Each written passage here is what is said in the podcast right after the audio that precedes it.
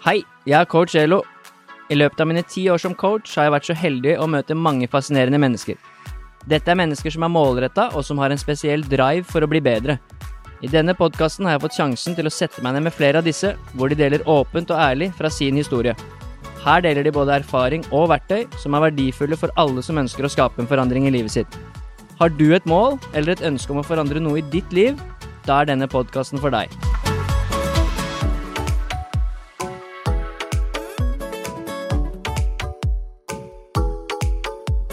Hei, og velkommen til en ny episode av Coach Elo med gjester. I dag så har jeg ikke med meg bare én, men to gjester, og det er første gang. Og de, de to er faktisk i familie, eller de er i nær familie. Far og datter, eller datter og far. Jeg vet ikke hvem som kommer først. uh, og etternavnet deres er jo et kjent etternavn i Håndball-Norge. Og har du ikke hørt om etternavnet, så har du i hvert fall hørt stemmen til eh, far av disse to, da. Det er jeg helt sikker på. Den stemmen er i hvert fall jeg vokst opp sammen med. Så det er litt ekstra kult å, å ha med han på, på podkast. Og selvfølgelig deg, eh, Mia. Så Mia Svele og Bent Svele, velkommen. Tusen takk. Det er Mia som er først ut. Jeg er først ut. Yngstefri. Men vi sitter nå Jeg det kan jeg si først, jeg trodde du var fra Hamar, og jeg har funnet ut i dag at du er, du er jo ikke det. Du er fra Ringsaker. Altså, Det står vis... Ringsaker kommune utafor her. Nei, jeg sier eh, litt utenfor Hamar. Det er jo ti meter til grensa. Så... Litt utenfor Hamar. Men jeg vokste vokst opp på Hamar vest. Jeg vokste vokst opp i Presterødhallen. På Hamar, Hamar vest. vest. Hamar Er det den fi, fin, fine delen av Hamar? Det er fine delen av Hamar. Ok. Men i hvert fall, jeg er hjemme hos dere. Ja. På Ringsaker. Og har fått eh, middag, som du påstår at du har laget sjøl. Den har jeg lagd Jeg selv. tror, jeg tror Bent har laget det, det meste av det. Men du gjorde litt, da. Jeg tenker steke kylling, det holder. Ja, det syns du var veldig bra. Ja. Det var pasta, kylling, grønnsaker og pesto, så det var veldig godt. Mhm. Kjempebra. Mm. Og så har vi trent i dag òg, Det har vi så vi har gjort det egentlig vært sammen hele dagen. Går aldri lei deg, Ole. Første kondisjonsøkt på lenge. Så det var deilig å kjenne at man lever òg. Fått litt puls. Mm. Staking og ro, romaskin er jo kanskje ikke det du, du elsker ikke det. Jeg elsker ikke det, men eh, stakemaskin tror jeg er noe av det verste jeg vet. Ja. Jeg er ikke Nei. Det er ikke favoritten, for å si det sånn. Men du gjør det for det, da. Jeg er profesjonell. Du Jeg er profesjonell, ja. trener og gjør det du skal. Mm. Men uh, var ikke så blid i stad når etter åtte intervaller på stakemaskin, så sa jeg at nå skal det åtte til. Da var du ikke så fornøyd. Nei, Jeg tenker vi man må ha en rolig start. Ja, Jeg hadde nok blodsmak i munnen, så det ble ikke åtte til. nei. Og det tar Gud for det. Det er en bra økt. Vi skal, det kan vi, vi skal sikkert snakke litt om det etterpå. Mm. At du er jo ute med skade, så det er derfor du sitter og staker. Ikke bare for at du er glad i å gå på ski, men for at du faktisk må gjøre det som alternativ trening, da. Ikke sant? Eh, Så det kan vi jo prate om litt, litt seinere. Mhm. Det er jo også derfor du er på Hamar. Eller Ringsaker. Hamar, ja. Eh, Så før det så, så må vi jo finne litt ut hvem er Mia. Mm. Mia Svele. Mange som har hørt om, i hvert fall etternavnet. Mm. Og hvis man følger med på håndball, så har man nå fått med seg hvem du er. Du har jo vært eh, allerede god i mange år, og så er det bare Hvor gammel er du? 19? Jeg blir 20 om to dager, jeg, Ole. Om to dager? Ja. Oh. Ja. Det er ikke verst. Nei? Men fortsatt tenåring, da. Ja. I to dager til. ja. I Eh. dine øyne, så. Ja, men det er jo det. Tenåring. Når du er 19, så er du jo tenåring. Altså, jeg tenker om å bli 18, så er man jo voksen. Ja, kanskje.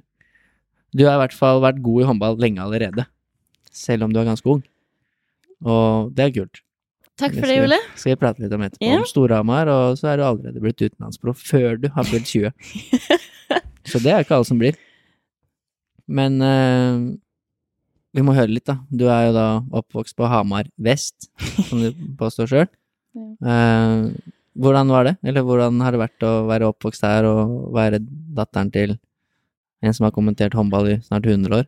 Nei, det er eh, Ja, som sagt så er jeg oppvokst på Hamar vest og litt utenfor Hamar. Det har vært eh, både Altså på godt og vondt. Jeg ble jo født inn i håndballhallen. Så jeg ville være med Da var pappa trener på damelaget også, så jeg hadde lyst til å være med på alle treninger. Jeg ville løpe intervaller med jentene. Jeg var vel sånn fire-fem år. så det var vel ikke sånn Ja, jeg var litt vel ivrig, og jeg syntes det var kjempegøy. Og um, det å i tillegg ha hatt han som far, da, det har um, både vært positivt og negativt, vil jeg si. Eh, Så jeg har lært utrolig mye. Negativt? Hva er det som har vært negativt? Nei, altså det kommer jeg jo tilbake til, men jeg har jo lært ekstremt mye av pappa, sånn håndballmessig. Det er ingen jeg kunne lært så mye håndball av som jeg har lært av han. Det er ikke sikkert jeg kjenner så mange som har sett mer håndball enn Bent. Nei, Uh, altså, vi har kunnet, jeg vet ikke hvor mange timer, jeg. Vi har sett håndball sammen, diskutert og planlagt og bare sånn, nei, en dag så har jeg lyst til å være der, har jeg sagt til han, så. Men litt sånn negativt også, det er jo han som far, han kommenterer håndball, han har vært god i håndball, som jeg har hørt. Så litt det presset utenfra, kanskje, med at jeg har den faren som jeg har. Så det vil jeg egentlig si er litt det som jeg har kjent litt mest på, da. I hvert fall i ungdomstiden. Ja. Føler du, ja, føler du at det har vært en greie? At du har blitt litt ekstra press på grunn av etternavnet ditt, og at Ja, at du Ja. er datteren til pensuelle? Jeg følte litt på det når jeg begynte på videregående. Når, eller til slutten av tiende klasse, starten av VG1, så kunne man jo høre litt sånne småkommentarer her og der, men jeg har jo selvfølgelig valgt å bare lukke øra. Det går inn og ut med en gang. Men eh, ja, det har ikke vært eh, kjempelett, det har det ikke, med det der, for det har jo preget meg mye. Så jeg har egentlig sagt til meg selv også, er det egentlig håndball jeg har lyst til å drive med? Men eh, ja, det har jo vokst opp i en håndballfamilie. Jeg er jo tross alt oppkalt etter en håndballspiller òg, så Men eh, hvordan- du sier at det har prega deg, eller sånn, hvordan, hvordan har det prega deg, hvis vi kan ta det med en gang? Ja, nei, jeg følte at eh, folk kanskje ikke så alt av arbeid jeg hadde lagt ned selv. At eh, nei, du er født inn i det, du kommer så lett inn i det, du kan bare skli inn i det. Og jeg følte egentlig at ok, da, tro, da trodde jeg ikke så mye på meg selv heller. Så, men etter hvert så, så jeg har fått eh, gode møter, da, med trenere og sånn på skolen, så de har jo hjulpet meg ekstremt mye, og det har jeg satt utrolig stor pris på. Så ja, det var vel egentlig mest det at jeg følte at jeg ikke hadde kommet dit selv. Ja, så du, ja, og du føler at du ble litt beskyldt for at du ja, hadde fått litt ting i fanget? Ja, det kan man si. Men eh, ja, jeg ble Det gjør meg egentlig Altså, ja, det går fint å høre det. Det går som sagt inn og ut. Men det ga meg mer motivasjon også, til å bare vise at eh, det er et arbeid som må legges ned, og det Altså, jeg har ikke kommet dit jeg er i dag på grunn av pappa. Det er et arbeid jeg har lagt ned selv, og en innsats. Så Ja, det finnes ingen tvil om det. Håndball, nå har jeg vært eh, med i håndballverdenen en stund sjøl, da, og du blir ikke god i håndball uten å spille mye håndball. Nei, og trene og legge ned en jobb. Det er en tøff sport å bli god i, Mm. så det, er ikke, det går ikke an å få det gratis. Men du har sikkert lært mye av uh, faren din, da. Ja, du si du har sett mye håndball, og du er jo uh, en, en smart håndballspiller. Eller det er jo en av kanskje styrkene dine, hvis ikke jeg tar feil. Mm.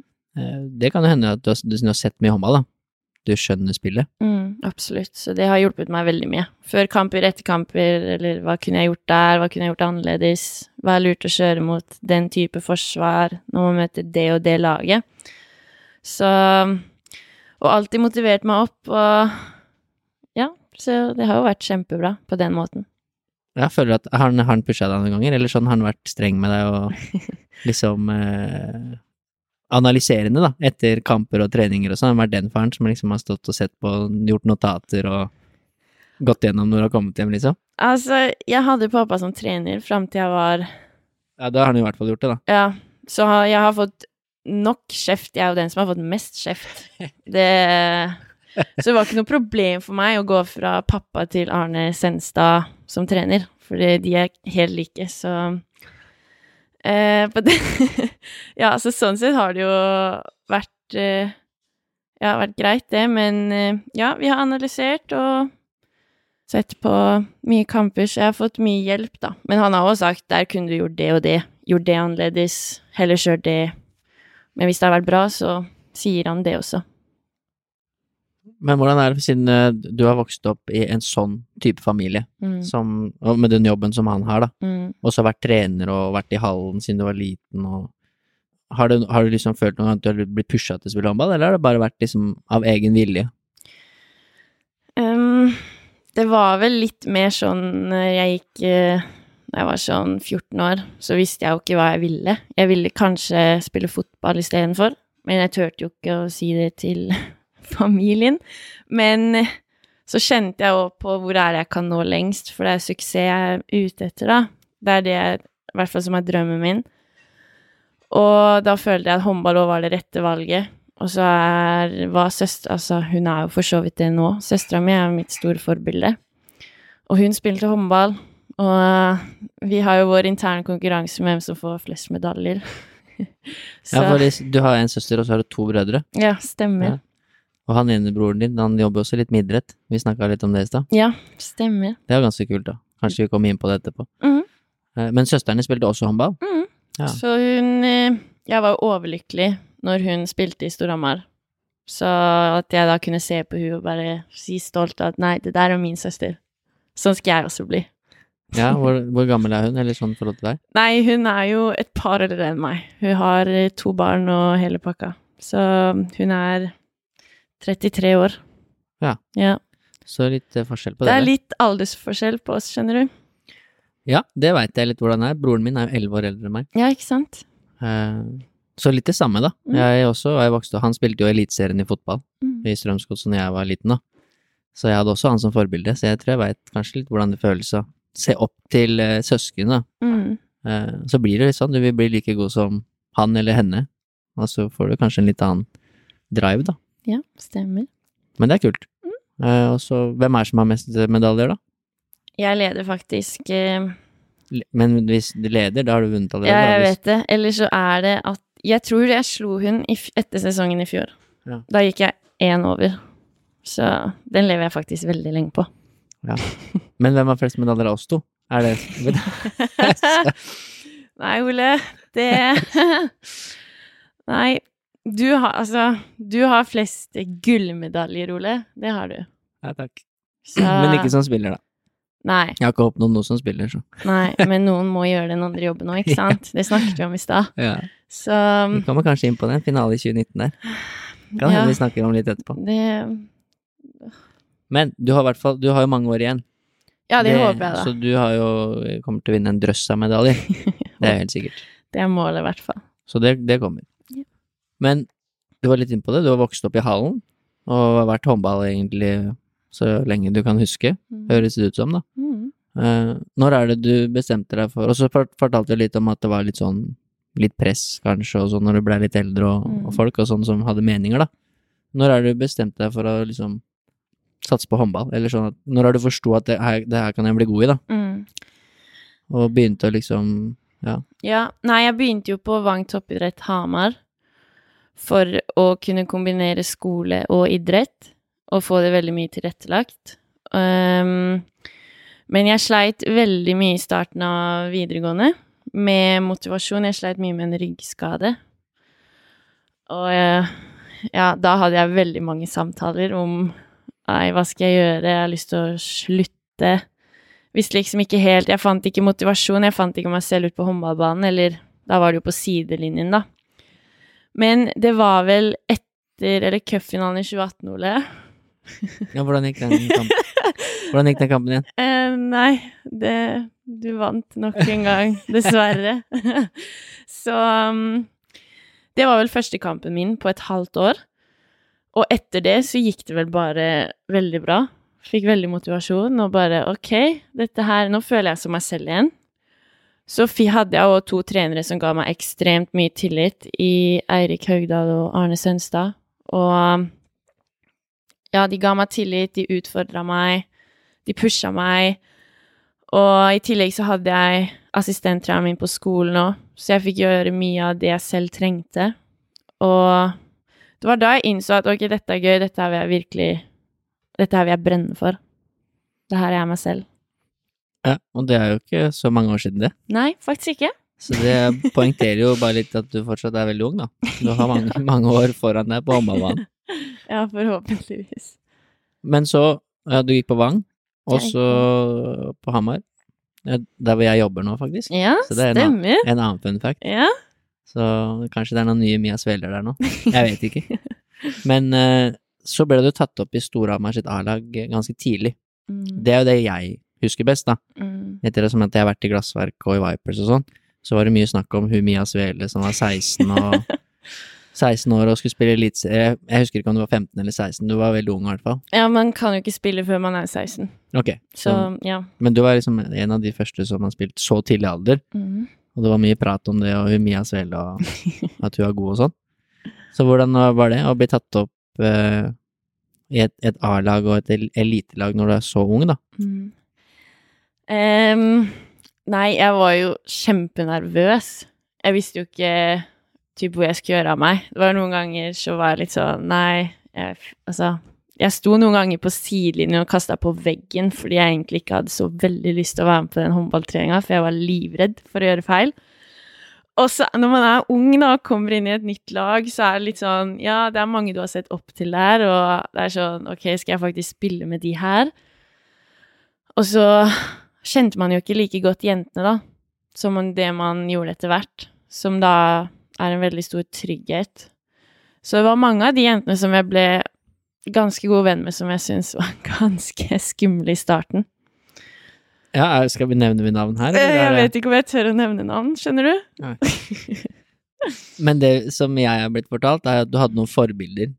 Ja. Eh, og noen av de jobber jo jeg med nå. Stemmer. De spiller fortsatt i Storhamar.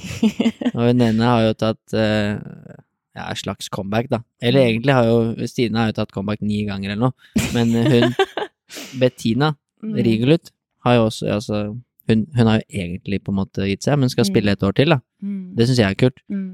Eh, også Stine Lidén, som er keeper, spiller Ja. fortsatt i Storhamar. Også Camilla Sundmoen, som er syltynt å ha som forbilde, men hun eh, er jo daglig leder, Ja, så jeg jobber jo med henne òg. Ikke sant? Hvordan var det å, å begynne å spille med de som du har hatt som forbilde og kanskje sett opp til i mange år, og hvordan liksom var det Kom inn i den garderoben, plutselig så var du lagvenninne med de som du kanskje bare har sett Nei, altså for meg var det veldig rart i starten. Vi har jo ledd mye av det, sånn i ettertid, og bare Nei, her om dagen fant jeg et bilde av oss to, du er ti år, vi er på trikken på treningsleir i Praha, og det er jo sykt hvor lenge man har sett opp til de, da, for å så kunne spille med de. Men eh, Nei, det var rart i starten, men jeg føler jeg bare har vokst så sykt mye på å lære av de. De har så sykt mye rutine, trygghet og alt i spillet sitt som jeg virkelig tok med meg absolutt alt av. Så nei, jeg syns det har vært veldig positivt. Men det var veldig rart i starten. Det skal jeg ærlig innrømme. Men de tok deg godt imot. For at hvis ikke, så kan jeg jo, kan kan jeg jo ta en prat i morgen med Stine og ja. Nei, de tok meg veldig godt imot, vært veldig snille og alt det der. Men det er det der Når man spiller håndball, da visste jeg Da hadde jeg jo ikke innsett det. At det er litt sånn sinne fra jenter 16 da, til elite at uh, det som skjer på banen, det skjer på banen. Vi er fortsatt venner på utsiden. Ja. Men det er jo selvfølgelig sånn man ikke tenkte over når man var 16 år. tenkte jeg nei, nå er hun sur på meg, nå uh, kommer jeg aldri til å snakke med henne igjen. det var litt sånn litt sånne tanker, da. Men nei, jeg har lært utrolig mye av de jentene. For det, det må jo være litt sånn man, man tegner seg kanskje et bilde av dem, Mm. så når du ser dem, du sitter kanskje bare og beundrer dem da, på Mm. tribunen, eller ser dem på TV-en og sånn, og du ser dem jo bare når de er eh, i den settinga, Mm. hvor, og, og da er du i kampmodus, da, så det kan jo være ja, banning og kjefting, og man, man danner seg jo et bilde på en måte kanskje Mm. av de som, hvordan de er da, Mm. hvordan liksom, den var jo kanskje litt annerledes når du ble kjent med dem, de var jo vanlige mennesker de også. De var visst vanlige mennesker, de også. sånn som alle andre. Så nei, selv Altså, man har jo fått eh, Man har fått litt kjeft her og der, men eh, det er bare positivt, syns jeg. Man må lære seg det i idretten at eh, det skal ikke være noe kjære mor. Og når det, er, når det kommer òg fra så rutinerte jenter som har så mye de kan komme med òg, så har det gått veldig fint. Ja, det er kult. Ja. Men det må jo ha vært eh, likevel stort, eller en sånn liten drøm som Mm. kanskje ble oppfylt allerede der, at du Mm. plutselig så deler du garderobe med de du har sett opp til i mange år, da. Ja, ikke sant. Nei, jeg hadde jo ikke sett den komme i det hele tatt. Nei. Jeg drev jo typ med håndball når jeg var 13-14-15, fordi da kunne jeg dra og møte jentene i håndballhallen Mm. utenfor skoletid og Men at det skulle gå Ja, at man da skulle bli tatt opp, da. Det Jeg hadde ikke sett den komme, skjønner du. Og jeg hadde ikke sett for meg at jeg skulle debutere som 16-åring heller. Så det har vært veldig stort. Det var det. Ja, men du har jo jobba hardt for det òg, Ja, så alt er jo mulig. det er sant. Det har vært mange timer i hallen med pappa Ja. uten som egentrening. Så Ja. ja, jeg tror jeg kan, kan liksom Litt det som vi var inne på i stad, med, med ha et eldre, mm. en eldre bror, eller for deg en eldre søster, da, som driver med håndball, som er god og flink og sånn. At man ser opp til dem. Jeg tror jeg har hatt kanskje Vi har hatt noen av de samme følelsene, kanskje. Sånn Jeg husker jeg var på gamle gress, da, på Marienlyst stadion, og så på broren min og sånn, og han når han spilte, da var jeg 28 kanskje, når han spilte, liksom debuterte i Eliteserien og sånn. Eh, og da husker jeg at det var noen, mange av de jeg så opp til, både han og så en del andre spillere. Kanskje Bent husker Osman Nyan, jeg vet ikke. Men han var fryktelig god, da. Eh, og så ti år seinere så ble jeg tatt opp i godset, da. I A-laget når jeg var 17. Mm. Og da skulle han Osman Nyan trappe ned, da. Så han kom liksom tilbake fra utlandet, har vært proff. Og så plutselig så satt jeg og, og delte garderobe med han. Eh, og det, det er spesielt. Mm. Så det, var, det er jo noen du på en måte har sett opp til lenge, Ja, og som du har danna deg et bilde av. Hvordan de er, og forguda dem nesten. mm. Men så, så er de jo bare vanlige mennesker. Stine Lydén er jo, er jo kjedelig, ikke sant. Hun er jo ikke Hun er jo ikke Det er jo vanlig Hun er flat. Hun er en vanlig person. Ja, hun er jo det. Jeg fant jo ut av det, da. Veldig hyggelig, vanlig person. Ja, sorry, Stine. Jeg bare tuller. Stine, Stine er morsom. Stine er morsom, hun. Men, eh, men det er kult. Og så Vi kommer litt inn på det etterpå. Men, eh, så vi, vi trenger ikke å snakke om det nå. Men bare et par år etter det, så ble jo du kaptein Mm. på Storhamar. Ja. Og da var du, jeg vet ikke, 17-18 år. Så da var du plutselig i gåstein sjefen over disse spillerne som Nå er det ikke bare at du delte garderobe med disse du har sett opp til, men nå var du plutselig sjefen på laget, Mm. og du var bare 18. Uh, så det skal vi prate litt om etterpå, da. Mm. Men det, sånne ting syns jeg er kult. da. Ja. Sånne ting legger jeg merke til. Og, så, og det er liksom, for meg som har sett på idrett hele livet, sånne ting er jo ikke tilfeldig. Altså, du får ikke, du får ikke kapteinspinnet i et elitelag hvis ikke man har noen spesielle eh, ferdigheter eller trekk ved seg som person, da. Eh, så det kan du få lov å fortelle litt om etterpå. Ja. Men eh, du spilte i Storhamar eh, fra du var 16, Mm. Og så i fjor så valgte du å bytte klubb. Mm. Eh, Sikkert fordi at jeg og Kenneth kom hit. Ja, jeg orker ikke deg hver dag, Ole. orka ikke det. Det skjønner du. Jeg hadde bytta sjøl. Ja, ikke sant? Så bytta du til Nykjøbing Mm. Falster, Mm. som er i Final Four i danske cup nå, eh, og flytta til København Mm. aleine som 18-19-åringer. Hvordan var det? Kan du fortelle litt om liksom det valget å, å gå fra ikke bare fra Storhamar som klubben, men også liksom flytte hjemmefra, flytte fra byen som du alltid har bodd i, og Mm. eh, flytte for deg sjøl i utlandet, da, når du bare er 19? Eller 18, eller hva det var for noe? Ja, 18 var jeg. 18, ikke sant? 18, ikke sant? Um, nei, 19 var jeg. 19, ja. 19, ja. Okay. Nå, ja. Um, valget mitt falt egentlig på at uh, Altså, jeg stortrivdes i Storhamar. Med alle jentene, med trener, altså støtteapparat og alt det der. Og all den tilliten jeg har fått, og ansvaret, det har jeg vokst så sykt mye på. Både som person og spiller. Men jeg kjente at det er jo én klubb jeg har spilt i hele livet, det er Storhamar. Og så bare følte jeg at Og hele livet er jo fryktelig lenge når Ja, du men er siden jeg begynte på håndball da jeg var fire år, jeg har- har Storhamar-jente hele tiden. Ja. Så jeg var, da jeg var ferdig med videregående, så følte jeg at jeg trengte en litt sånn Ja, jeg trengte et lite eventyr. Trengte å utfordre meg selv. Flytte litt fra det som kanskje var det tryggeste for meg. Og jeg har òg vokst ekstremt mye som person på det, bare ved å bo aleine. Så jeg ville egentlig bare dra på et eventyr. eh, flytte et annet sted. Bo for meg selv. Og bare fortsette min utvikling et annet sted. Så Jeg trengte jo litt det derre Sånn Når man er håndballspiller, så har man ikke like mye fritid som hvis jeg bare skulle ha studert. Og da er det normalt at man reiser litt, kanskje, så jeg hadde litt lyst til å bare dra på et lite eventyr, som sagt, og kunne spille håndball i samme slengen. Så Og jeg stortrives med det. Så har jeg i tillegg noen venninner der nede som studerer òg, så jeg har jo noe jeg kan koble av med hvis jeg trenger å koble av litt med håndball. Og blir tatt kjempegodt imot av laget, og det var mye bedre enn det jeg forventet, rett og slett. Så jeg er bare sykt glad for at jeg gjorde det. Ja, det er kult, da. Vi hyller det, da, valget og liksom Det er ikke alle som tør det. Eh, Selv om det liksom bare er Danmark, så er det jo likevel et stort steg, og liksom du flytter til et annet land. Mm. Og fra liksom all, all tryggheten du har her, da, både spiller og trener og familie og alt. Det sier også litt om deg som person. Som sagt er det ikke så mange som, som tar et sånt valg. Så man ser jo ikke det så ofte i Håndball Norge, at 18 18-åringer flytter til utlandet for å bli proffer. Eh, Så det er kult. Eh, Men hvordan var det å liksom flytte fra alle disse hockeyspillerne og sånn på Hamar? Var det, det var jo ikke lett, det. Ole, nå Eh, det var, det var ikke så vanskelig, altså. Nei, jeg bare tuller. Det er en hockeyby, det, det, det er kult. Det, kan vi, det skal jeg sikkert prate litt med Bent om etterpå. Ja. Med HamKam og Storhamar hockey og sånn. mm. Sånn som ingen bryr seg om. Men som dere bryr dere om her oppe, da. ja. Uh, Men uansett, det er jo et stort valg å velge å, å reise ned dit. Å, ta det valget i seg selv er jo mye læring i det. Mm, absolutt. Også for de som ikke vet det, da. Nykjøbing Falster. altså, Da, du bor jo i København, Mm. så det er jo ikke en kjempekjedelig by eh, du har flytta til heller. Nei, så hvis jeg da skulle flytte, så var det en sånn by jeg måtte bo i, rett og slett. Da var jeg litt ferdig med å bo på landet, kanskje. Altså, du innrømmer at Hamar er på landet? ja, det er jo ikke storby. Det er én by i Norge. Det er Oslo. Ok.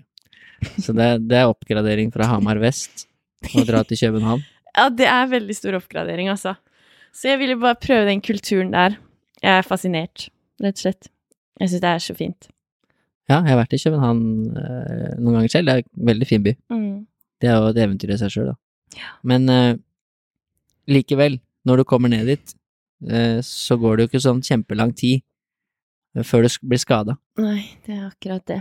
Eh, og det husker jeg vi bare leste om her i Norge, da. Mm. Og det var sånn eh, periode hvor det var liksom alle ble skada, følte jeg, da. Men det, var, det er jo tilfeldig, men det var flere liksom norske spillere som ble skada den perioden, så man følte jo liksom at det skjedde overalt. Men eh, det er jo ikke en hvilken som helst skade, men det er jo den som alle i håndball frykter, da. Ja, det er akkurat det. Eh, Korsbåndskade i kneet. Mm. Eh, Pluss, pluss, som vi skal plus, snakke, plus, ja. snakke om snart. Men du røyk jo korsbåndet. Jeg røyk korsbåndet. Du hadde jo ikke spilt så lenge i Nykjøbing når Nei. det skjedde. Det var vel Jeg røykte i slutten av oktober. I cupkampen, den siste cupkampen, hvis vi vant den, så var vi jo i Fan for-helgen, da. Pokalhelgen i Danmark, så det er igjen ti sekunder av første omgang, så jeg er maks uheldig. Jeg vet ikke hva som skjer engang. Eh, men jeg tenkte jo ikke at det var korsbånd i det hele tatt. Eh, jeg skal bare kjøre en overslagsfinte. Så helt klumsete så vrir jo mitt høyre kne seg. Så jeg tenkte bare nei, jeg har bare fått en vridning, strekk, selv om det gjør ganske vondt. Så um, tok det da litt tid før jeg fikk 100% svar på at det var korsbåndet. Og da merket jeg at eh, i alle dager, hva skal jeg gjøre nå? Eh, nå må jeg faktisk finne noe motivasjon her for å komme meg helt tilbake, for jeg blir jo helt Eller jeg ble helt stressa ved å være så Tanken på å være så bort, lenge borte, da, fra håndballen. Og jeg var stressa for at de andre liksom Altså, når man går gli... Når man ikke får vært med på håndballtrening Jeg er redd for at de andre kommer mye lenger enn meg, at jeg mister så mye At jeg er helt mye dårligere, da, når man kommer tilbake. Man har jo ikke spilt håndball på et år, eller når man da først er tilbake. Så for meg var det et stort slag i trynet. Jeg hadde aldri sett den komme. Nei, det er jo ikke noe man går Nei. og liksom tenker på at skal skje, da. Nei. Men bare for å ta det først, var du liksom For du sa det var vondt når det skjedde, da. Mm. For det òg ser man jo med korsbåndskade, at noen liksom bare hinker av og liksom mm. eh, tilsynelatende har ikke så vondt, og, men de skjønner at det er noe gærent. Og så har du andre som på en måte vrir seg i smerte, da. Man har jo alle hørt disse skrikene. Liksom hvordan, hvordan opplevelse var det for deg, hvis du klarer å sette ord på liksom Du kjente at det var en vridning og at det var vondt, men du tenkte ikke at det var korsbånd? Nei, jeg Jeg har jo snakket med noen som har tatt korsbånd, og da sier de at de hører et litt sånn knekk i kneet, eller når du vrir det. Og så når man har sett at folk har røket korsbånd, og de, de fleste vrir jo seg i store smerter og hyler, og jeg trodde ikke Altså, jeg syns det ikke var så vondt, altså. Det var bare Ja, jeg klarer egentlig ikke helt å sette ord på det. Det var ikke så vondt som jeg trodde det skulle være. Så, og jeg hørte heller ikke den knekken, så jeg var sånn Nei, Mia, slapp av. Ikke grine nå. tenkte sånn Nå kan du ikke være overdramatisk her. Så tenkte sånn Nei, det er bare en vridning. Jeg hørte ikke knekken, og jeg hadde vel hyla hvis jeg hadde røket korsbåndet. Men eh, det viste seg jo at eh, Ja, man reagerer jo forskjellig, da. Ja, altså, det, håndballspillere, dere er jo litt tøffe, da. Så Litt annet enn fotballspillere, eller? Ja, vi snakka jo om det i stad. Det er Champions League på TV bak her, så Ja. Neymar hadde vel rulla veldig mange runder, tror jeg, hvis han hadde rykket korsbåndet. ja, ikke sant? Men eh, ja, det er litt sånn rart. Eh, det er ingen som har noe godt svar på liksom hvorfor noen får ekstremt vondt, og hvorfor andre på en måte nesten ikke merker det. Nei, det er akkurat det. Men så fikk du i hvert fall Du fikk jo svar etter hvert at det var korsbånd, Mm. Eh, og så fortalte du litt om, om det. Ja. Men, men klarer du å sette liksom enda mer ord på liksom Hva skjedde i hodet ditt når du fikk beskjed om at du har røyket korsbånd? Eller sånn, husker du det? Jeg Når du fikk husker det. Jeg var hos legen med ei til på laget, hun sleit litt med kneet, så hun skulle sprøyte inn noe greier. Og, Som alle andre håndballspillere. Som alle andre Og Sprøyte noe greier inn i kneet. og vår agent, vi har samme agent, så var det henne først. Så da var jeg den som skulle holde hun i hånda når hun skulle få sprøyte, og så var vi bare sånn Nei, vi er forberedt på det, Mia, men det er ikke det. Det går fint. Og så kommer legen inn, så gjør han noen tester, og han syns det var litt for løst. Og så har han sett på bildene, og da får jeg jo beskjed om at det er korsbåndet. Det fremre korsbåndet, det. Det har røket av. Så da begynte jeg å hylgrine. Alt gikk i svart. Ville bare hjem. Um, få pleie ville bare Jeg tror ikke jeg gjorde noe særlig på to uker. Jeg lå mest inne. Så mye håndball. Gråt. bare Ja. Nei, jeg fikk en sånn helt sånn syk tomhetsfølelse i meg. Jeg visste ikke helt hva jeg skulle gjøre, og hvordan jeg skulle klare å håndtere det her. For fysisk trening, det har ikke vært min sterkeste side når en håndballsesong har vært gående. Så jeg trengte litt tid på å komme meg og bare innse at jeg skal være borte en stund fra håndballen. Men det er mange andre også som har klart det før meg, så Å komme tilbake sterkere enn noensinne. Ja, det kommer du til å gjøre, du også. Ja, det er det Men, jeg eh, men du måtte liksom eh, gå gjennom den prosessen og så liksom akseptere at eh, Eller at det liksom Mm. bare forstå at det er korsbånd, mm, og at da er du ute lenger. mm. Det er jo sikkert en prosess. Det var en prosess, ja. Mm. Så nei, det var ikke Jeg føler meg så ensom også. Bare det jeg elsker med sporten nå, er at man er et lag. Du er aldri alene. Så bare tenkte jeg Nei, nå er jeg faktisk helt alene. Nå skal jeg være helt alene i et år. så Men etter hvert som det gikk, så bare bestemte jeg meg at eh, jeg skal komme tilbake sterkere, enn bedre trent enn det jeg har vært noen gang. Og det er faktisk nå jeg har mulighet til å jobbe med disse tingene som jeg kanskje ikke kunne jobbet med under en sesong. Mm. Så har jeg virkelig Jeg føler i hvert fall at jeg har blitt mye bedre på fysisk trening. Jeg har lært utrolig mye av deg, ikke minst, og en, ja, treneren på Olympiatoppen. Så Og jeg tar med meg så mye av det. Ja, det noe, kommer, noe, kommer noe positivt ut av alt, da. Jeg tenkte vi skulle prate litt om det etterpå, litt sånn om opptrening Mm. og sånn, for det er jo alltid mange som lurer på. Mm. Eh, og så er det jo mange som går gjennom det, eh, og som kanskje potensielt gjør det også i framtiden. Men det er to, to ting jeg vil liksom spørre deg om. Den ene er jo det med at når du liksom du flytter til et eh, nytt land, og så begynner du en ny klubb, så kommer du jo ned dit eh, selvfølgelig for å oppleve noe nytt og et nytt eventyr og Mm. sånn, men du kommer jo ned dit også for å gjøre en jobb. Eller altså, du kommer jo ned dit for å spille for Nykjøbing, Mm. og da kan jeg se meg, man vil jo vise seg fram, og man vil jo liksom vise hva man er god for og sånn. Mm. Og så hvordan er det da liksom, at går det to måneder da, og så ryker du korsbåndet, og så veit du at nå, nå spiller jo ikke jeg for Mm. Nykjøbing resten av denne sesongen her. Nei. Hadde det sikkert vært kjipt uansett, da, men hadde det vært hjemme i Storhamar, så hadde det kanskje vært litt mer sånn Folk kjenner deg og veit hva du er god for, og liksom Mm. Der nede. Mm. Hvordan var det? Når du er helt ny på en måte i et lag? Nei, jeg følte i hvert fall at jeg begynte å komme inn i systemet, inn i spill. Det tar selvfølgelig litt tid når man er ny, og kommer inn på et nytt sted med nye, litt annen kultur og litt annen spillestil. Men jeg følte at det, ja, nå var jeg på gang Altså, nå begynte det å komme noe her. Jeg følte jeg begynte å Ja, det med samspill, og jeg følte, begynte å føle at jeg fant min plass i laget. Og jeg føler det er, det er litt vanskelig å svare på, egentlig. Jeg har jo aldri opplevd eh, det før, men eh, Nei, det blir Jeg følte i hvert fall at jeg fikk vist meg godt fram på treninger. Så jeg håper Altså, det er jo Jeg gleder meg bare til å begynne å spille igjen. Når jeg har god dialog med treneren nå, så jeg vil nok få tilbake mye av det ansvaret som jeg begynte å få mot slutten. Som i hvert fall er planen, da, for vi blir et ganske ungt lag neste sesong. Ja. Har du noe kontakt med lagvenninnene dine og, og de som Ja, de du spilte med i Nykjøbing? Ja, jeg har det. Så jeg savner de veldig mye. Så de er liksom ikke Du er ikke helt ute. Man blir jo litt sånn når man Man kan jo si hva man vil, men når man liksom blir skada, så man blir jo litt utafor, eller sånn Mm. Det ser man jo med alle. At det, du blir jo ikke like mye del av det som du pleier, da. Og så når du i tillegg nå har reist hjem igjen, Mm. liksom til Norge, da, Mm. eh, og vært litt sånn fram og tilbake og sånn, så blir det jo Kan jeg se for meg at det blir jo litt sånn Bra du har kontakt med dem, tenker jeg da. Ja, det å hjelpe litt på motivasjonen. Ja, absolutt. At de er opptatt av liksom hvordan det går med Hvordan deg. det går, ja. Så man føler seg ikke helt glemt når man får meldinger om det, og har kontakt med de. Så nei, det setter jeg veldig stor pris på. og det er bra. Så gleder de seg sikkert til du kommer tilbake igjen. Ja, det håper jeg.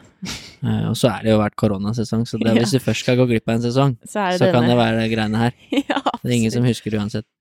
Men eh, Eller kan det hende vi husker den, men eh, på grunn av korona. Men det har jo vært mye greier. Det har vært mye greier, ja.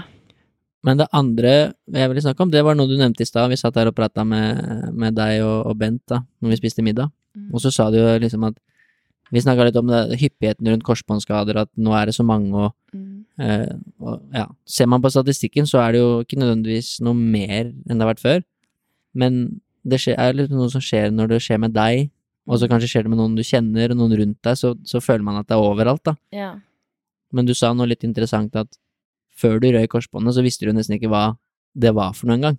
Eller sånn, du hadde ikke gjort deg opp noen tanker om hva egentlig det vil si å ryke et korsbånd. Nei. Når du hører om det, så er det sånn ja ja, det er du, du er tilbake om et år. Ja, Mens nå er det deg, ikke sant. eh, og da får du jo et litt annet forhold til det. Mm.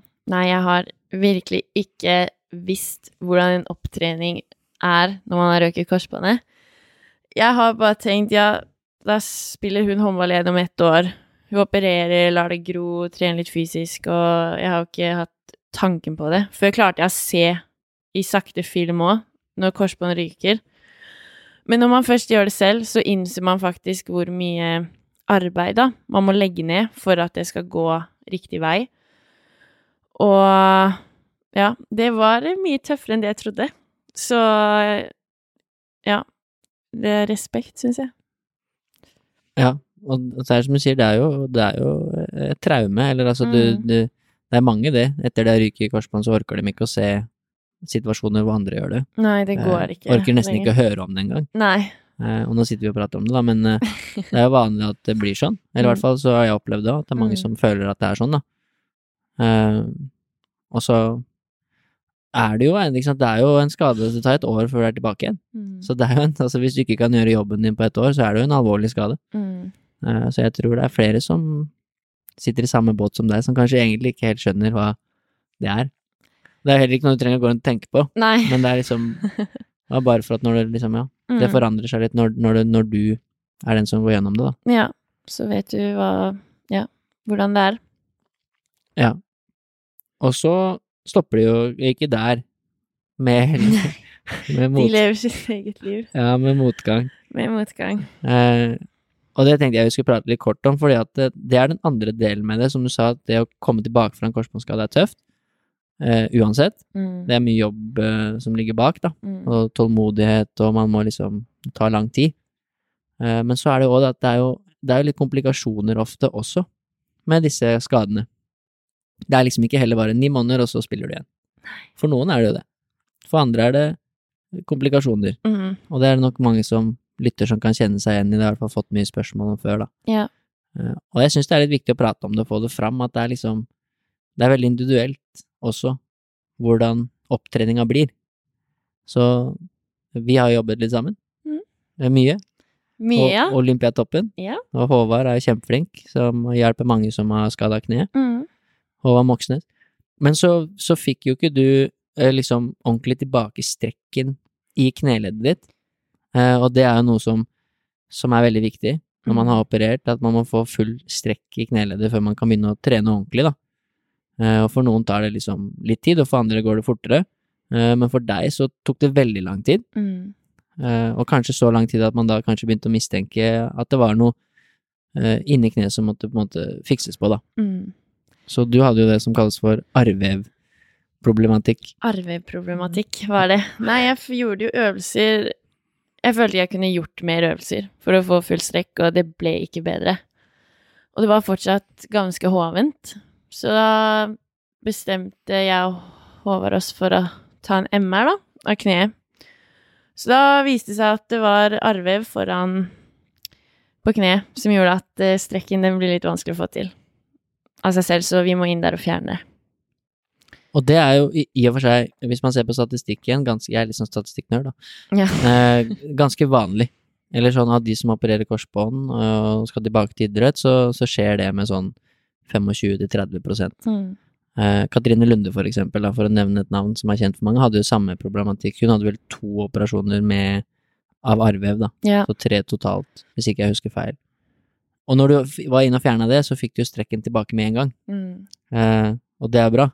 Så i utgangspunktet er jo det en operasjon som går helt fint, Mm. og som ikke setter deg så veldig mye tilbake, egentlig, da. Lite grann, men så er man på en måte tilbake igjen. Mm. Men hos deg så fant de jo litt annet, annet grums òg, Det Eh, gjorde de. som man ikke vet, men som man tror eh, kanskje har blitt oversett, eller som Mm. eh, har måtte, vært der. Mm. Tidligere skade, eller som kanskje skjedde samtidig som når det røyk korsbåndet, for eksempel. Mm. men som de i hvert fall på en eller annen måte ikke har liksom klart å plukke opp, da. Eh, Og det var jo menisk. Som du da måtte sy. Stemmer. Og da blir du satt litt tilbake. Da blir man satt litt tilbake, det har jeg merka nå. Jeg, er, jeg blir veldig fort utålmodig. Så krykker i seks uker, det, det er jo lenger enn da jeg røk korsbåndet. Og det syns jeg var lenge. Så jeg fikk litt panikk når jeg hørte det. Eh, når jeg skulle få svar på mitt MR. Så mm, Nei, det er noe Ja, det er virkelig en nedtur. Det var det. Men eh, jeg føler òg samtidig at det har gått veldig fort de ukene her. Så jeg er snart Jeg er vel halvveis nå. Så mm, blir det litt annerledes opptrening igjen, da. Enn planlagt. Ja, det skal gå bra. Så vi kommer oss gjennom det òg. Vi kommer oss gjennom det òg. Men det var litt mer det for å liksom bare påpeke at det, er liksom, det, det kan være litt sånn uh, humpete vei Mm. når du får en kneskade.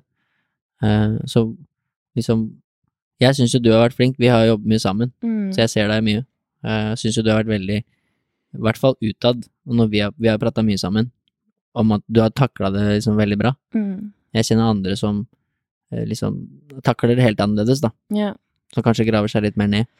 Men du liksom vil komme på trening, og du vil gjøre alt det du kan gjøre, Mm. istedenfor bare å sitte hjemme og synes at det er kjipt, da. Mm. Men hvordan var det, liksom, når du, du er liksom Vi var jo godt i gang, og du begynte å løpe litt til og med. Mm. Eh, og så liksom Ja, du skal inn og sy menisk, så da Ja. blir det seks nye uker på krykker. Det blir jo igjen en ja, en nedtur. En nedtur, ja. Hvordan, Jeg- hvordan er det å takle det liksom mentalt, eller sånn? Jeg har jo aldri gått gjennom det sjøl. Jeg har bare jobbet med spillere som har gjort det. Mm. Men hvordan var det for deg å liksom skulle takle det igjen? Nei, jeg møtte Da møtte jeg veggen, for å si det sånn. Den dagen der var veldig kjip. Så når jeg fikk beskjeden Jeg hadde jo ikke sett den komme. Jeg skjønte ikke hvordan det var mulig heller. Jeg hadde ikke hatt noe smerter. Hadde begynt å løpe, hoppe, litt fotarbeid og Nå er jo styrken din så veldig bra ut. Ja, så jeg kjempebra- følte vi var på veldig god vei, da. Mm. Så det var en ordentlig nedtur. Altså, de Den første uken, eller de første dagene Jeg tror jeg grein meg til søvne hver natt. Jeg følte at er alt jeg har gjort nå, bortkasta. Det er ingenting som gir mening. Og da bare tenkte jeg sånn Selvfølgelig skulle dette her skje også. Men eh, da bestemte jeg for, og etter mye samtaler, da, at eh, vær så sterk du kan før operasjonen, så vil det gå mye fortere for deg. Og da endte jeg opp med å trene to ganger om dagen før operasjonen.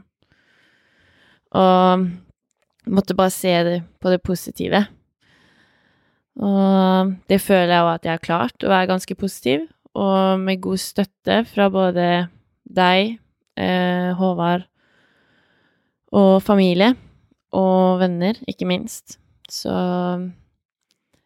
har det også hjulpet at jeg da har kunnet finne på litt andre ting når jeg har vært hjemme. Bare ikke tenke på den skaden her. Så de siste ukene før jeg skal opereres, så brukte jeg mye tid med venner. For å, ja, se lyst på det før jeg skal på krykker igjen. Ja, det er nok lurt, da. Å, å kjøre litt roadtrips med Lea og sånn Ja. i den perioden. Beste musikksmaken, er det ikke det? jo, det kommer seg. Det blir bedre. Men uh, jeg skjønner det, at det er tøft. Mm. Og, liksom, og det er litt, litt sånn det som er med en sånn kneskade. Mm. Det er vanskelig å gå gjennom, og det, det kan være sånn komplikasjoner. Eh, og det, det er så greit å vite om, eller greit å prate litt om, for de som klarer å prate om det. Ja. Men det er som sier, nå er du halvveis på snart ferdig med krykken igjen, Ikke sant? Uh, og du er jo nede og staker og ror og alt sånn, selv om eh, det ikke er like gøy, så gjør du jo det. Uh, og du har definitivt fått igjen masse for den, all den jobben du la ned før du opererte menisken. Mm. Så så jo ting veldig bra ut. Mm. Og det som du sier, den fysiske treninga, den Du kan den. Det Ja, har eh, blitt takk eh, for det. bedre. Den har blitt mye bedre, det føler jeg også. Nå har jeg Mm. interesse for det òg. Jeg hadde ikke så mye interesse for det før. For jeg følte Ja, det var ikke så mye man mestra. Var ikke den sterkeste og Så det ble litt sånn enkleste utvei av det. Men jeg føler jeg har vokst enormt på det her, og jeg har lært veldig mye av deg, som jeg sa i stad. Og det er det positive med det, som vi Ja. prata litt om i stad, at du, du kommer til å ende opp med å bli sterkere av det her. Mm. Både bokstavelig talt, men også mentalt, da. Ja. Eh, og bli bedre kjent med din egen kropp, og liksom Du kommer sterkere tilbake igjen. Mm. Eh, så det blir kult. Gleder meg til å skape meg en Nykjøbing-drakt og se på match i København. Det kan faktisk jeg ikke vente til, altså, Ole. Det blir så bra. Ja, fordi du har, eh, du har kontrakt med Nykjøbing et år til, altså denne sesongen, og så en, en sesong til. Eh, ja, stemmer. Ja, så det blir, blir kult. Og du har mange år igjen foran deg på Mobban. Jeg håper jo det, da. Ja. Så det er, eh, det er jo litt om eh, karrieren din, Ja. som du har jo, eh, ja, opplevd mye allerede, selv om du bare er 19. Mm. Så har du jo spilt eliteserie uh, og proff i utlandet og ryker korsbånd, og du har gjort alt. Uh, Vunnet medaljer og spilt NM-finaler og sånn. Mm. Så det er jo kult, da. Det er erfaring man tar med seg videre. Mm. Da passer det fint å spørre litt om for eksempel eh, Vi skal jo ha en sånn spørsmålsrunde etterpå. Ja, Det er kult. klassiske spørsmålsrunden. Ja, fordi, og det er jo ikke spørsmål fra meg, men jeg hadde jo en sånn runde på Instagram Ja. om folk ville stille spørsmål til Mia og Bent. Og det kom inn Det kom- mye spørsmål, altså. Du vil jo ikke fortelle meg halvparten engang, så Nei, du har ikke fått vite så mange av dem. Det var veldig mange som lurte på ting. ja, jeg er veldig spent. Ja, så jeg tenker at du gjør det, da. Eh, Og det første, det første er jo litt, eh, litt spørsmål fra meg òg, men det var faktisk flere som spurte om det. Mm. Kanskje ikke ordrett, men sånn hvilke, hvilke tips eller liksom råd eller tanker har du til andre unge som, som har lyst til å bli gode til å spille håndball? Eller kanskje en annen idrett, da. Mm. Hva Liksom for alle så Det er noe jeg merka, alle sin vei er jo annerledes. Mm.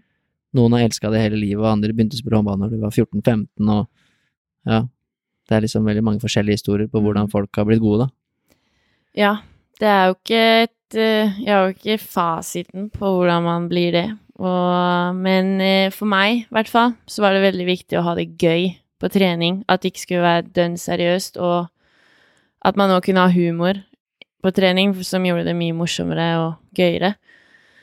I tillegg da finne balansen mellom fysisk trening og håndballtrening, finne gleden der, og alltid jeg, hadde hvert fall, jeg var i hvert fall veldig avhengig av å trene med noen, og finne de som hadde de samme verdiene som meg. Og um, det er i hvert fall det jeg merker at jeg har satt veldig stor pris på, da.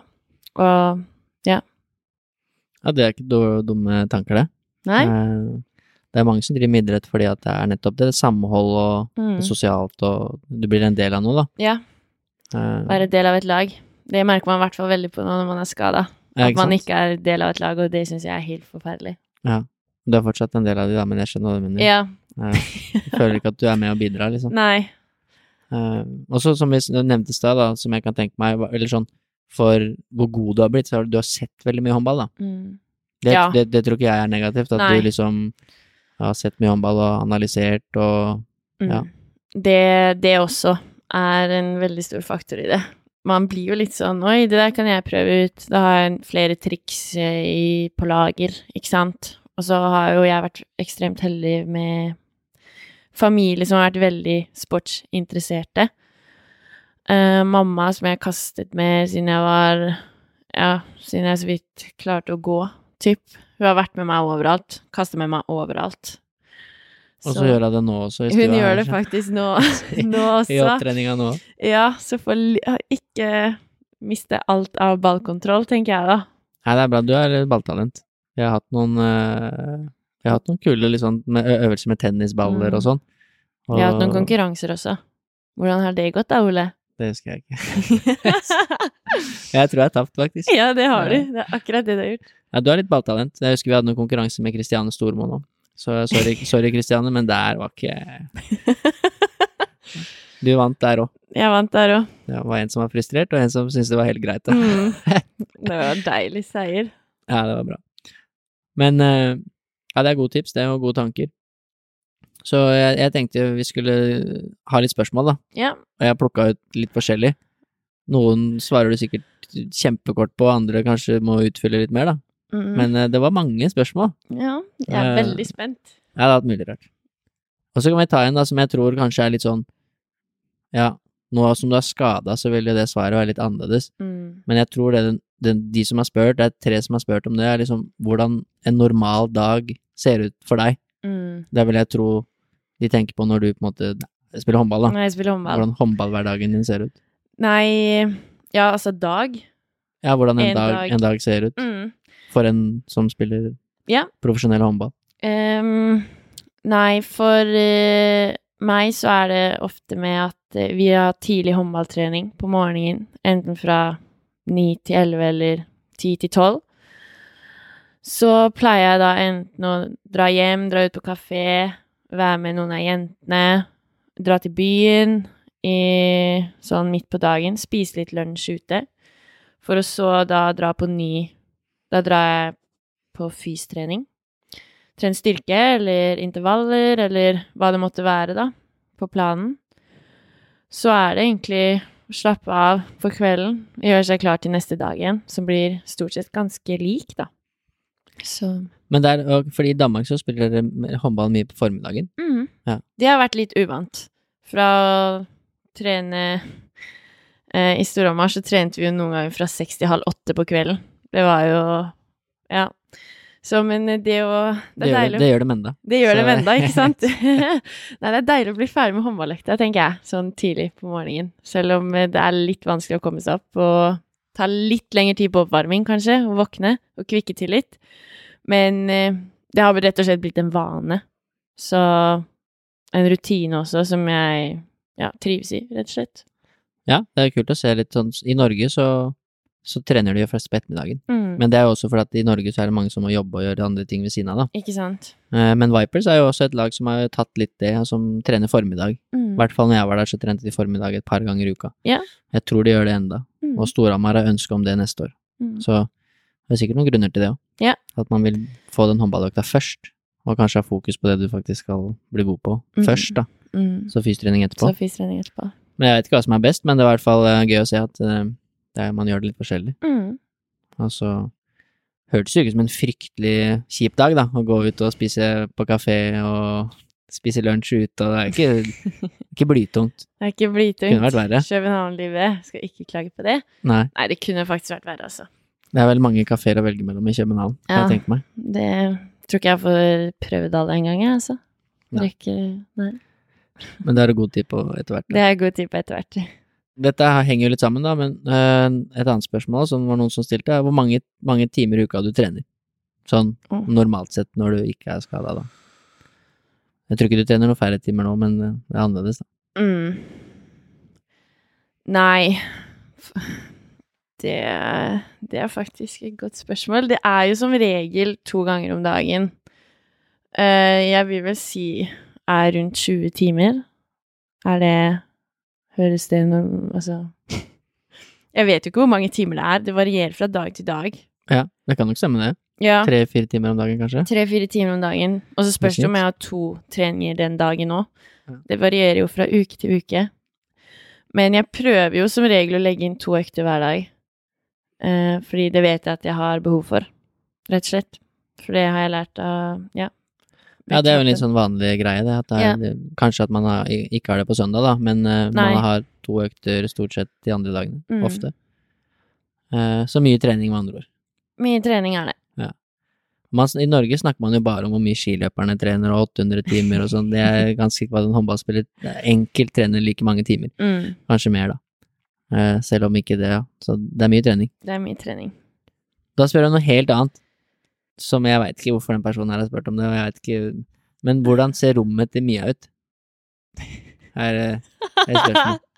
Er det Det er kanskje rommet her hjemme, da. Ja, det er rommet her hjemme. Jeg vet ikke. Nei, men hvordan svarer man på det? Det er et helt vanlig rom med seng og klesskap og Ja, det vanlige. Ja. Ja, men hva, hvordan skal man svare på de spørsmålene? Jeg vet ikke hvordan man skal tolke det heller, men Nei, det er, det. Det, er, det kan være litt forskjellige oppfatninger av det spørsmålet der. Men det skal sies at jeg har fått sånn tilleggsinformasjon der som ikke hadde noe med det spørsmålet å gjøre, da. Ok, Eh, Fra din uh, mor, ok. Uh, som sa Så dette, dette kom i tillegg, for det var faktisk en som spurte om hvordan rommet ditt så ut. Men moren din oppfordra meg også til å spørre om hvordan rommet ditt så ut. da Altså- tenker jo hun på Altså, rydde moren og Da var det kanskje andre ting. Ja, da tolker jeg det som Oi, da tolker jeg jo det som at Er det rotete? Nei, det er ikke rotete nå. Nå er det rydda. Nei, men altså, jeg har en tendens til at det kan gå litt fort i svingene, og da kan jeg bare ta enkleste løsning. Men altså, når jeg er hjemme, så Altså, det går jo fint. Men eh, jeg er jo ikke en sånn uryddig person. Det er jeg ikke. Du finner fram til det du skal ha på deg? Jeg finner fram, ja. Ja. Jeg ser gulvet. Det Ja. gjør jeg. Skinna du skal ha på deg på trening, sånn, den husker du ikke, da. Eh, selv om Bent fikk konstatert at den lå egentlig ved inngangen. Ja. Nei, men den lå ikke der i stad, skjønner Ja, du. nei. da gikk det òg litt fort i svingene. Men, Ja, drikkeflasker har du glemt på trening noen ganger. ja. Jeg tar jo med egentlig en gjenstand som du eier Hver etter hver gang du har trent. Stemmer. Jeg har så lyst til å være med deg, Ole. Det er akkurat det som er greia. Så jeg vet ikke, men det er, det er fint. Ehm, skal vi se. Ja, det er et kult spørsmål, fordi vi var innom det før. Ja. Det ville jeg stilt også, egentlig, uansett. ja. Og det er jo hvordan, hvordan det var å bli, eller være, da, kaptein på Storhamar i en alder av ja, 17-18 år, eller hva det var for noe, når du ble kaptein. Mm. Det er jo liksom, Det er ikke så mange som blir det. Og plutselig være da sjefen på laget over disse gamlingene som du har sett opp til i mange år, da. ja. Det var mye jeg skulle ta Arnes- igjen da, tenkte jeg. Det var. Arne Senstad som ga deg kapteinspinnet. Det var Arne Senstad som, ja. Senstad som ga meg kapteinspinnet. Um, nei, for meg var det Jeg hadde jo fått såpass mye tillit, da, og den rollen i laget, at jeg, skulle, at jeg styrte mye ut på banen eh, den sesongen før jeg ble kaptein. Så husker jeg vi var på treningsleir i Danmark, og ja, da skulle vi da standard det møtet, plukke ut kaptein for sesongen, roller i laget Litt sånt møte, og jeg hadde ikke sett den komme i det hele tatt. Så Men det var sykt stort, det var det. Og jeg føler òg at det var litt som å gå i den rollen jeg kanskje hadde hatt den forrige sesongen, med å være litt sånn leder ut på banen. Men eh, det var jo Jeg følte liksom på at ok, nå må du prestere litt bedre. Men altså, selvfølgelig, man glemmer jo det under kampen at det er sånn Oi, shit, jeg Du tenker jo ikke sånn Å, jeg er kaptein, så jeg skal gjøre sånn og sånn og sånn. Men, du følte på press, eller, litt sånn ellers, eller sånn Følte du på at nå får du enda mer ansvar, eller sånn? Ja, jeg blei jo kjempestressa da da jeg fikk det, for jeg tenkte men hva er det han tenker nå? Hva er det, hvorfor, hvorfor skal han bruke meg til det her? De andre gidder da ikke å høre på meg hvis jeg skal lede de til et eller annet. Altså, no Men way. gjorde de det? Jeg syns det. Ja. Det er bra, da. ja, ja, ja. Så, nei, men det gikk jo over all forventning på banen og alt det der. Så det var der jeg fikk hovedansvaret, da. Så, og det satte jeg veldig stor pris på. Vokste enormt på det. Så det var bare litt kjipt å tape som kaptein mot deg, da. i Cupfinalen i 2019. Ja, eh, det var, ja, ikke mot meg, men altså, jeg var passasjer, jeg. Du var Men, passasjer. Ja, vi har jo et eh, Spilte du begge? Vi har to cupfinaler på rad mot Storhamar. Ja. Du var med i begge. Ja, var det. Det har vært uh, tungt, men jeg tenker sånn alle gode ting er Du vant banketten, mener jeg husker. Nei, det Nei. Det, nei, det tar jeg ikke her, Ole. Men um... Eller jeg tror faktisk Bent kan være enig med at det er Tord Haugseng. Ja! Tord Haugseng. Han, han vant banketten Han vant banketten. det ene året. Det var fryktelig morsomt. Ja, da, da holdt jeg jo på å dø i latter. Jeg kjenner ikke han, men det var gøy. Nei, ja, det var helt Ja, det var morsomt. De som vet, de vet det. De som vet, de vet. Ja. det er det vi sier. For det var, eh, var fryktelig gøy. Ja, det var ekstremt gøy. Så, Men, men, uansett stort å være kaptein i en eh, NM-finale når du er 17-18 år, da. det var veldig stort. Og spille, Og- da spilte du også mot en del av forbildene dine da, på den andre, andre Mm. sida av banen. Mm. Så nei, det var stort, det. Men det var jo bedre å slå dere i februar, da. Ja. Ole. Det gjorde dere. Orka ikke å se på at dere skulle tape dere gullmedaljene deres. Du skal få Du vant den kampen der. Det er bra, det. Da blir dere gode. Eh, Og nå er jeg i Storhamar, så nå Ikke er, sant? sant? nå er det Vipers vi skal slå, da. Nå er det Vipers dere skal slå. Men det er kult, da. Kaptein i en eh, så ung alder. Og så virker det som at du var på vei til å få litt ansvar i, i Nykjøbing også, da. Mm. Så det er jo kult. Det Blir gøy å se deg når du kommer tilbake. Ja, det gleder jeg meg til. Og det var jo en som spurte om eh, to, tror er to unge jenter, som, tror jeg, som sikkert følger med på håndball, da. Ja. Som lurte veldig på hvor lenge det var til du var tilbake på håndballbanen. Mm. Det er ikke et konkret svar å gi, men eh, de sier jo at det tar mellom ni til tolv måneder eh, pluss, ikke sant? For man må Ja, så jeg tipper vel rundt november-desember, hvis jeg ikke tar helt feil. Det blir vel rundt da. Så må jeg jo ha med hodet, da, når jeg er all opptrening er ferdig. Det er ikke bare bare å begynne å spille håndball igjen. For alle. Så det blir spennende å se hvordan det blir. Ja, Så- jeg tror i hvert fall Mitt inntrykk da, av hvordan du er som person, tror jeg du kommer til å takle ganske bra. Ja, jeg håper det. Takk, Ole. Ja, Men man vet jo aldri, da. Nei, Men jeg tror, aldri. det tror jeg du kommer til å takle fint, altså. Ja. Um, det her, og det, dette ble spurt om til både Bent og til deg, ja. er sikkert begge veier, han kan få svare på etterpå, da. Men hva syns du om at Fordi jeg har hørt det, da. At han har kommentert deg. Mm. Eh, for det har han jo gjort når det har vært eh, eliteseriekamper og sånn. Og han, han tør jo aldri å si noe liksom om deg. Nei. Men hvordan har det vært for deg at eh, han har kommentert deg når du har spilt håndballkamp? For det, det er jobben hans, da. Mm. Altså, jeg må Jeg måtte respektere, det er jo jobben hans, selvfølgelig. Men jeg var litt sånn i starten sånn Nei, jeg vet ikke helt hva jeg syns om det. Eh, da fikk jeg litt sånn tilbakeblikk, da, fra da jeg var yngre og bare sånn ah, Hun er der på grunn av han, ikke sant? Men eh, etter hvert så bare gikk det seg til, og jeg tenkte ikke over det, rett og slett. Etter hvert var det flere som har spurt sånn, er det ikke rart å se opp kamper og høre farens, altså faren din kommentere den håndballkampen? Så var det sånn, nei, nå er jeg blitt vant til det, det er jobben hans. Jeg respekterer det. Og um, jeg syns òg han er flink til å skille familie og jobb, da. At uh, ja, han er veldig flink på å skille det. Så det har egentlig ikke vært noe problem, syns jeg. Nei, det er bra, da. For det er jo en rolle man må liksom, ja, som du sier, man må jo skille mellom de. Ja. Og man, for alle som er liksom litt interessert i idrett, man har jo sett Gjert Ingebrigtsen og alt det greiene Ja. der, som måtte ha vært treneren til uh, sønnene sine, og det er jo noen ganger at den far- og trenerrollen går litt om hverandre. Mm, Så kan det være utfordrende, vil jeg tro. absolutt. Eh, men det har gått bra, da. Ja. Så et par spørsmål som er De er også sånn, de er litt kulere, kanskje, og litt sånn enklere å svare på. Ja. Og det er om eh, Det er to, da, jeg har slått dem sammen. Eh, det var mange som lurte på om du hadde en favoritt håndballspiller. Eh, og en du kanskje så opp til når du var ung, da. Mm. Du er fortsatt ung, så du har sikkert, du har sikkert favoritt-håndballspiller enda. Du går jo fortsatt og spør etter autograf, du. ja, Ole. Det er akkurat det jeg gjør. Ja. Men uh, det også også var det noen som lurte på om du kunne si hvem du syns har vært tidenes håndballspiller, da. Oi. Som du liksom syns har vært best, da. Mhm. Av de du har opplevd. Oi. Såpass, ja. Ja, altså Hva var første spørsmålet? Nå ble det mye her. Om du har hatt en favoritt-håndballspiller, og eventuelt hvem og hvorfor, og Ja. en som du kanskje så opp til når du Annet enn søsteren din. Mm. Nei, det må ha vært Altså, når man er vokst opp i Ja, vokst opp i Hallen, så fikk man godt øye for de som var i Storhamar, da. Så for meg har det vært Camilla Sundmoen. Bare Oi, jeg vil også bli sånn der. For jeg syns hun var rågod. Og det var da hun begynte å komme inn på landslaget, og bare det tempoet hun spilte med. Jeg syns det var så underholdende håndball.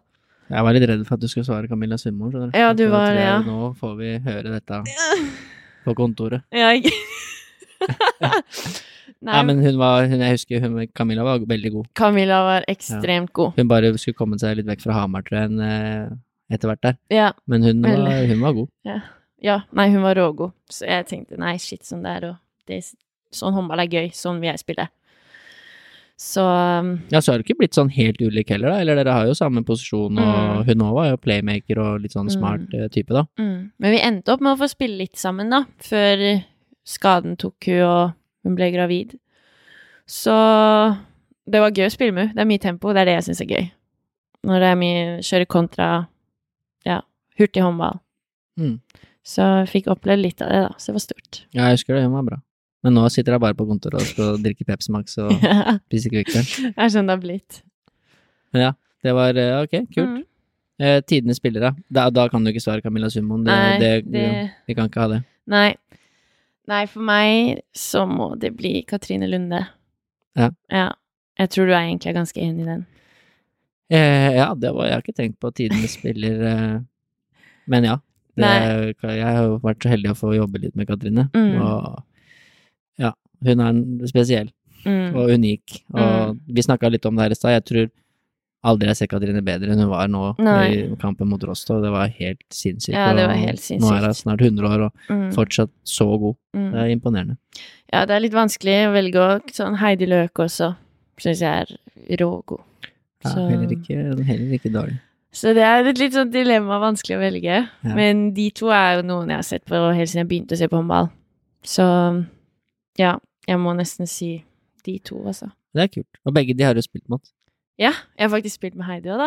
Ja, du på lag med Heidi, da, selvfølgelig, du har jo vært lagvenninne med henne. Eh, men ja, Det det var jo et mareritt, da, når Katrine sto i mål. Det var jo spøkelse i buret. Vi turte så vidt å skyte på mål. Ja, det så jo nesten ut som Rostov eh, med, ja, hadde samme spøkelse der. i Ikke sant, så Men ja, hun er veldig god. Det er vel en grunn til at hun har vært en av de beste keeperne i verden Ja. så lenge. Så lenge, ja. Så det man, har mye å lære av henne, Absolutt. så det er kult. Um, og herrehåndball, det så du ikke så mye på, så det trenger vi jo ikke å snakke om. Men uh, der er det Bent Svele, ikke sant, som er Ja, tidenes spiller. enig. Ja, i hvert fall uh, pannebåndet var, var bra. Det var frekt. Uh, men det er ett som er sånn gjenganger, vi kan ta det først, fordi det jeg telte over, det kom ni ganger. Ni ganger, Ja, ja. det nevnte for deg i stad. Ni Ah, ganger. Nei, Ole. Og det er Og Mia, Mia Svele var singel. Og jeg sjekka ikke hvem som spurte om det, men jeg bare registrerte at det var ni spørsmål, da. Som Ni spørsmål, om du var singel. ok. Eh, hva tror du? Jeg, jeg Jeg vet ikke. Jeg tror at du er det, da, men eh, du har ikke fortalt noe annet. Nei, ja, jeg er singel, jeg, vet du. Det er, jeg vet ikke hva mer jeg skal si. Nei, det er jo ikke noe mer å si. Nei. Det er, det er. Det er jo sikkert mye kjekke karer i København, da. Mange å ta der. Absolutt. Så det er de ni som lurte på det, jeg har fått svaret. ja. Det er bra. Og så kom det en annen, eh, som jeg også egentlig Det syns jeg er kult, det skal jeg spørre Bent om etterpå. Mm. Hvem vinner Final Four eller Champions League i 2021? Altså for, for kvinner, da. Jeg tror finalen blir Gjør og Vipers. Så tror jeg faktisk Vipers har sjans til å ta de. Jeg syns de spiller bedre håndball enn Gjør. Gjør er mye mer én og én, føler jeg. Så eller, sånn, eller i hvert fall hvis Vipers spiller sånn som de gjorde mot Rostov, så tror jeg de stikker av med seieren. Ja, hvis Katrine stenger og Ja, det blir vanskelig, da. Mm, det blir veldig vanskelig. Men nå kan de møtes i finale, fordi de, jo, de møtes jo ikke i semifinalene. Så det er jo kult, da. Så det blir før en eventuell finale. Så jeg tror det hadde blitt en kul finale. Det er jo to gode lag, men jeg føler kanskje Vipers har det lille ekstra i år. Ja, de virker bra i år, altså. Ja. De har bra bredde og tror det passer dem fint å spille to kamper over så kort tid med så mange godt trente spillere som de har. Absolutt. Og da tror jeg også det må jo være en, selv under Larvik sin tid, må jo være en ny rekord over norske spillere Mm. i en finale, Mm. hvis de møtes. Mm. Det er jo bare Norge. Det er Norge mot Norge. Det er Norge mot Norge. Så det blir jo helt Det blir rått. Ja, det blir kult. Gleder meg til å se det. Så, men du svarte ikke, eller du tror på Vipers? Jeg har troa på Vipers. Ja. Det har jeg. Ja, det er gøy. Jeg har fått litt historier av moren din og sånn. Men jeg- Jeg vet ikke vi skal ta opp de historiene eh, som moren din har kommet med nå. Men jeg har hørt, jeg har hørt at du er en dårlig taper, da. Det stemmer, det. Ja. Det var et sinne jeg ikke klarte å kontrollere da jeg var liten. Nei. Nei, jeg, jeg Når du var ung, du er fortsatt liten. Så når du Ja, var men var, da begynte jeg å grine hvis vi tapte. Det var helt Ja. krise. Tatt vi en finale i en cup som ikke hadde noe betydning. Kanskje var tolv år, ikke sant. Begynte å hylgrine. Men tror du det er liksom på en eller annen uh, har fått deg til å bli god òg, eller at du liksom på død og liv ikke skulle tape? Ja, altså, jeg bare elsker den følelsen av å vinne, da. Så um, Å lykkes, ikke sant. Så jeg tror, jeg tror den har hjulpet meg veldig, da. I hvert fall når jeg har klart å kontrollere sinnet mitt. Brukt det til en fordel, kanskje. Og kanskje ikke uttrykke meg så mye når det er folk rundt, men heller spare det til man kommer hjem eventuelt. Ja. Men eh, ja, det å tape, det tror jeg er noe av det verste jeg vet. Ja, og jeg er jo litt sånn, jeg er litt sånn firkanta på det. Altså, det, sånn må det være Ja, hvis du driver med toppidrett. absolutt. Eller sånn, Det skal ikke være greit å tape. nei. Det går ikke. Og man ser også med de jeg har fått jobb med som er liksom helt der oppe, da. Som for eksempel Katrine. Ta, tape er ikke noe alternativ. Man er ikke fornøyd med det. Nei, det skjer ikke. Så ja, det er kult. Det har gått noen flasker, jeg har jeg hørt, i vegger og Ja. speil som har blitt knust, og det har vært litt ting eh, Det har vært litt greier. Vi spilte jo grensemesterskap når vi var Jeg vet ikke hvor gamle vi var, jeg. grense, altså sånn mellom Ringsaker og Hamar. Nei! Det var Akkurat på grensa eh, her. Akkurat på grensa her. Nei, dessverre, Ole. Det var ikke det. Det var eh, Norge og Sverige. Det var en litt sånn cup, da. Vi kom faktisk på tredjeplass.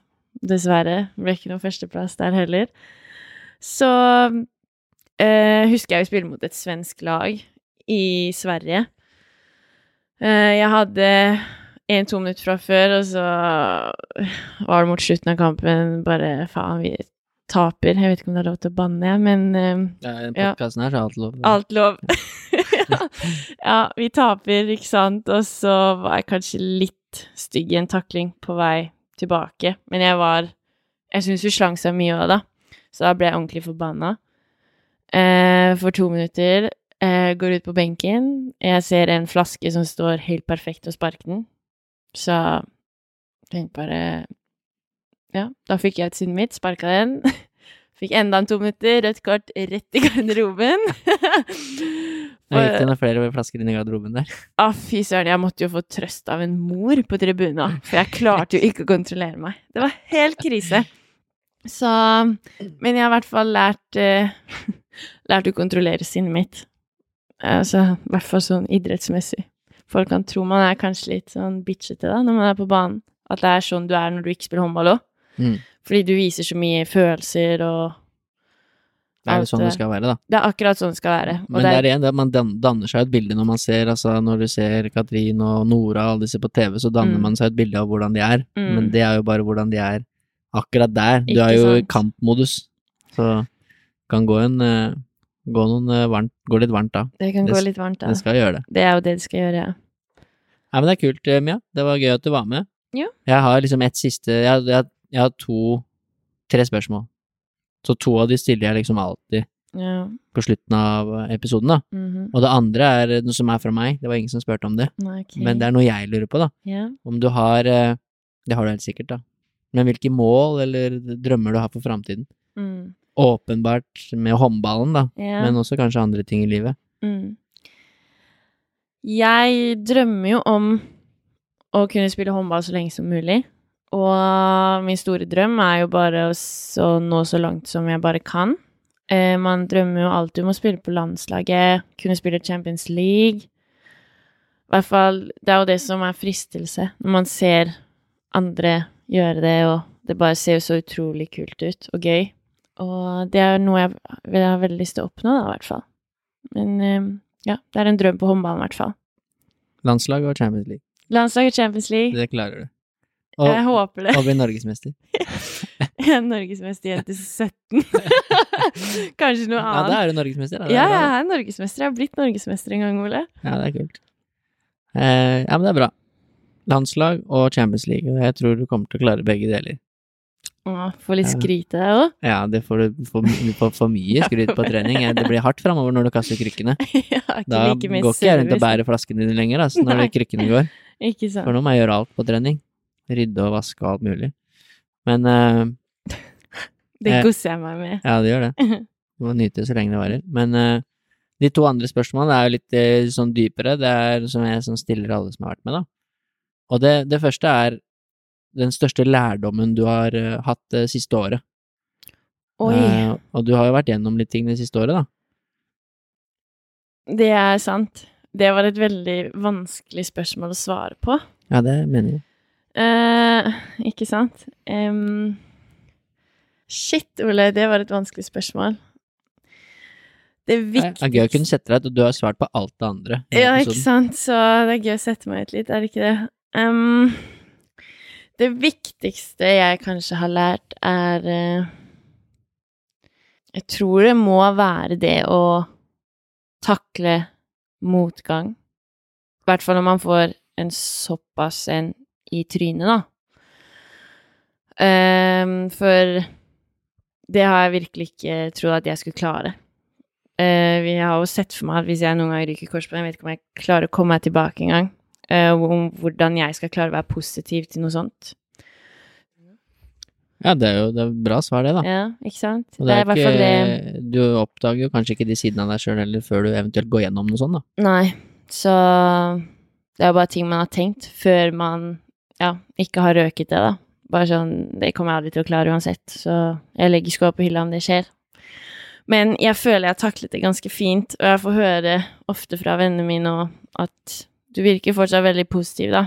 Det er, det er bra det er at du er så positivt, eller positiv når du er i en sånn posisjon. I hvert fall det med menisken også, så Det er veldig bra. Du er er nok en inspirasjon for mange, og kanskje flere enn du tenker sjøl, da. ja, det håper jeg i hvert fall. Ja, det er bra. Så vi skal fortsette, og det blir veldig bra. Jeg gleder meg til å se når du er tilbake igjen. Det går framover hver dag. Det går bedre og bedre for hver dag. Men det er jo litt sånn den situasjonen du er i nå, det kan hende det spørsmålet her liksom dreier seg om noe av det samme, da. Mm. Men eh, jeg spør alltid om også hva, hva du er mest stolt av i livet ditt akkurat nå. Oi. Det var da veldig store spørsmål man skulle få på Ja, men det er bare to. Det er ikke musikksmaken din, i hvert fall. Jeg er veldig stolt av musikksmaken min. DJ Svele Ja, jeg is in the veit. house. ja. um, jeg er kanskje veldig stolt av eh, personen jeg har blitt, med all den erfaringen jeg har fått, og som jeg har vært veldig heldig å få, da. Og de ulike situasjonene jeg har blitt kastet inn i og tatt med meg. Så Som du har valgt å sette deg i sjøl da. Du tok jo valget sjøl om å reise til Danmark og Ja, absolutt. Og det gjorde jeg jo fordi jeg hadde lyst til å utfordre meg selv og Mm. se hvordan det gikk. Og jeg føler Altså, ja. Jeg er egentlig bare veldig stolt av hvordan jeg har klart å håndtere alt det der også. Så mm, man lærer så ekstremt mye om seg selv som man kanskje ikke visste. Og det er noe kanskje jeg setter veldig stor pris på, da. Og det hadde jo ikke gått uten de hjemme heller, så Ja, Ja. men det er bra, det kan du absolutt være stolt av. Du har tatt noen valg som er Mm. unormalt for en på din alder å ta. Så det er nok mange som ser opp til, og som blir inspirert av. Kanskje derfor er så mye spørsmål da, som folk lurte på. Ja, Eh, jeg håper jo det, da. Så det er kult. Mm. Jeg syns du er flink. Det er gøy at du var med. Ja, takk for har, at jeg kunne eh, være med. Du har jo oppnådd mye. Hvis man ikke hadde visst at du var 19 år, så hadde det hørtes ut som du hadde spilt håndball i lang tid. Med de svarene som du har uh, hatt. Ja, ja. Ikke Eh, At du har hatt en lang karriere. Du har jo så vidt begynt, så du har masse foran deg. Jeg gleder meg. Det er bra. Sånn er eh, faren din, som skal I ilden. I ilden. Og er det noen som er vant til å prate, som jeg tror det går ganske greit for, så er det han. Så er det han. Det skal du ikke være bekymret for, i hvert fall. Men har du, er det noe som Hva kan jeg spørre han om? Er det noen sånne ting jeg kan sette han ut med? Spør hvordan det går med treningen hans, kanskje. Hvordan det går med treninga hans? Ja, det synes jeg. Han er under opptrening, han òg, er det ikke? Han er under opptrening, han også. Jeg gleder meg til. Det skal jeg stille, faktisk. Ja, det Det, det syns jeg du skal gjøre. Han er i telefonen nå, så han hørte ikke det vi snakka om. Nei, så det blir en surprise. Ja, Det er bra. Men eh, takk for at du var med, Mia, og eh, ses eh, snart. Det gjør vi, Ole. Tusen takk for at du har satt av tid til å lytte. Det setter jeg stor pris på, og jeg håper at du sitter igjen med noe verdifullt. Hvis du ønsker mer inspirasjon til trening og helse, følg meg, coach Elo, på Instagram. Der kan du også stille meg spørsmål, samt komme med tilbakemeldinger til podkasten. Du finner lenken i episodebeskrivelsen.